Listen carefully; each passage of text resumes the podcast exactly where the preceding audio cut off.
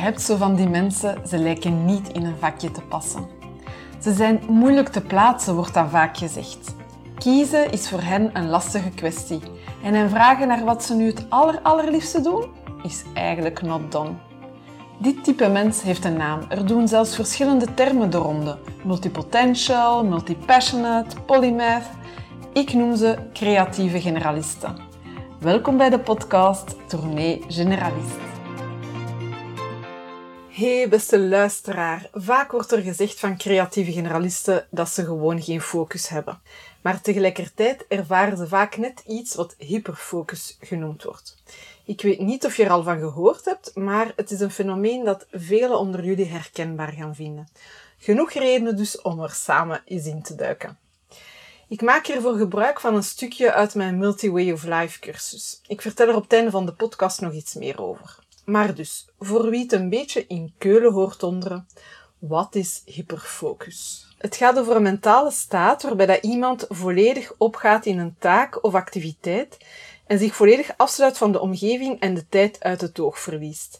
Het is een toestand dat best lang kan duren en moeilijk te onderbreken is, zelfs voor een volle blaas. Je kan het ook positief formuleren. Je zou het ook een vermogen kunnen noemen om je extreem te concentreren op iets dat je heel erg boeit. Hyperfocus is een mentale toestand die vaak gelinkt wordt met ADHD en autisme, maar die eigenlijk iedereen wel eens kan ervaren. Er bestaat ook zoiets als in de flow zijn. Misschien heb je daar al iets over gehoord. En op het eerste zicht lijkt dat heel hard op de hyperfocus toestand. En toch, je voelt me al aankomen, toch is het verschillend. Hyperfocus is meestal gelinkt met een specifieke taak of een prikkel die van buiten komt, dus een externe prikkel. Het wordt getriggerd door iets dat onze aandacht komt vragen. En bij flow zou de drang en de motivatie meer van binnenuit komen en dus minder uitgelokt worden door de omstandigheden extern aan jou. Je zou ook makkelijker uit een flow-toestand geraken dan uit een hyperfocus, die je een beetje kan vergelijken op een soort trance. Vooral bij ADHD zien we dit optreden en dat wordt ook wel eens time blindness genoemd. Je zou dus kunnen zeggen dat je het verschil tussen flow en hyperfocus kan merken aan de mate waarin je nog vlot toegang hebt tot de exit van je intense concentratie. En nu de clue van het verhaal, je voelde het waarschijnlijk al aan jouw kleine teen. Daar waar flow meestal een positieve ervaring is, kan het bij hyperfocus beide kanten uitgaan. Is het nu goed of slecht, die hyperfocus? Enerzijds is hyperfocus iets geweldigs. Je kan tijdens die fases bergen verzetten en heel intens en creatief werk verrichten. Maar het kan ook als een boemerang terug in je gezicht keren.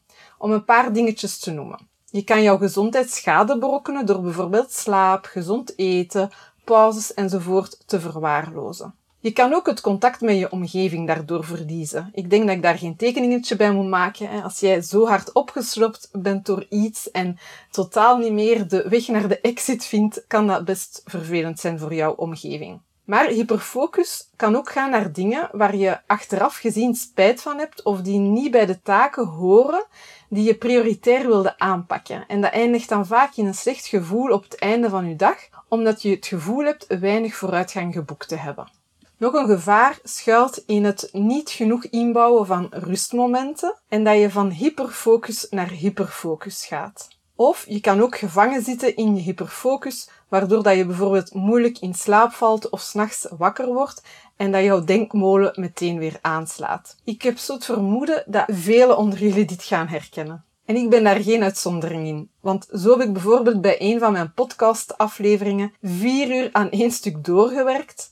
Opnemen, kniepen, monteren, de hele rimram, omdat ik gewoon maar niet uit mijn hyperfocus te halen was. Resultaat, de volgende dag was ik wel nogal een wrak. Dat klinkt misschien allemaal nogal pessimistisch en misschien denk je nu van oké Sylvia, ik word hier niet bepaald beter gezind van. Dus laten we overgaan naar het stukje van oké, wat kan je nu doen? Want het is je duidelijk, hyperfocus kan zowel een zegen als een vloek zijn, maar ik heb wel degelijk een aantal tips voor jou die jou kunnen helpen om er het beste uit te halen. Tip nummer 1. Wees je bewust wanneer je erin zit. Dat is natuurlijk niet zo simpel. Maar er zijn vaak wel wat signalen die het kunnen verraden. Bijvoorbeeld, je wordt heel prikkelbaar als iemand jou iets vraagt, je raakt wat opgejaagd, of je ademt oppervlakkiger, je negeert je volle blaas, enzovoort enzovoort. Tip nummer 2. Stel prioriteiten. Vraag je af voor welke taken en activiteiten hyperfocus handig is en voor welke niet. Want je wilt je superkracht wellicht niet verspillen aan activiteiten die je liever niet wil voeden. Denk bijvoorbeeld aan schermtijd. Of je kan door een prikkel van buitenaf afgeleid worden van een belangrijke taak en in een hyperfocus verzeild geraken die je eigenlijk niet wenst. Tip nummer 3. Vermijd typische lokkers. Dit is de tip dat we al duizend keer hoorden, maar dat veel van ons toch nog links laten liggen. Wat kan het zoal betekenen? Bijvoorbeeld, zet de meldingen uit op je telefoon, sluit je mailbox, ga werken op een plek waar je niet afgeleid wordt, enzovoort. In het verlengde van de vorige tip, maar wel iets positiever geformuleerd, zorg ervoor dat je omgeving is afgestemd op jouw behoeften. De ideale omgeving voor jou is er eentje die je stimuleert om je hyperfocustalent in te zetten voor de juiste activiteiten. Bijvoorbeeld, ik weet niet of je hem kent, Austin Kleon, de auteur van het superpopulaire boekje Steal Like an Artist, die doet het zo. Hij heeft namelijk twee bureaus in zijn kantoor, een analoge en een digitale. Het analoge bureau, daar liggen dingen zoals markeerstiften, papier, pennen enzovoort. Niets elektronisch is daar toegelaten. Op zijn digitale bureau staat dan weer zijn laptop, zijn scanner en andere elektronische toestellen. En ik ben al een beetje de tel kwijtgeraakt, maar ik denk dat we aan tip nummer 5 zijn.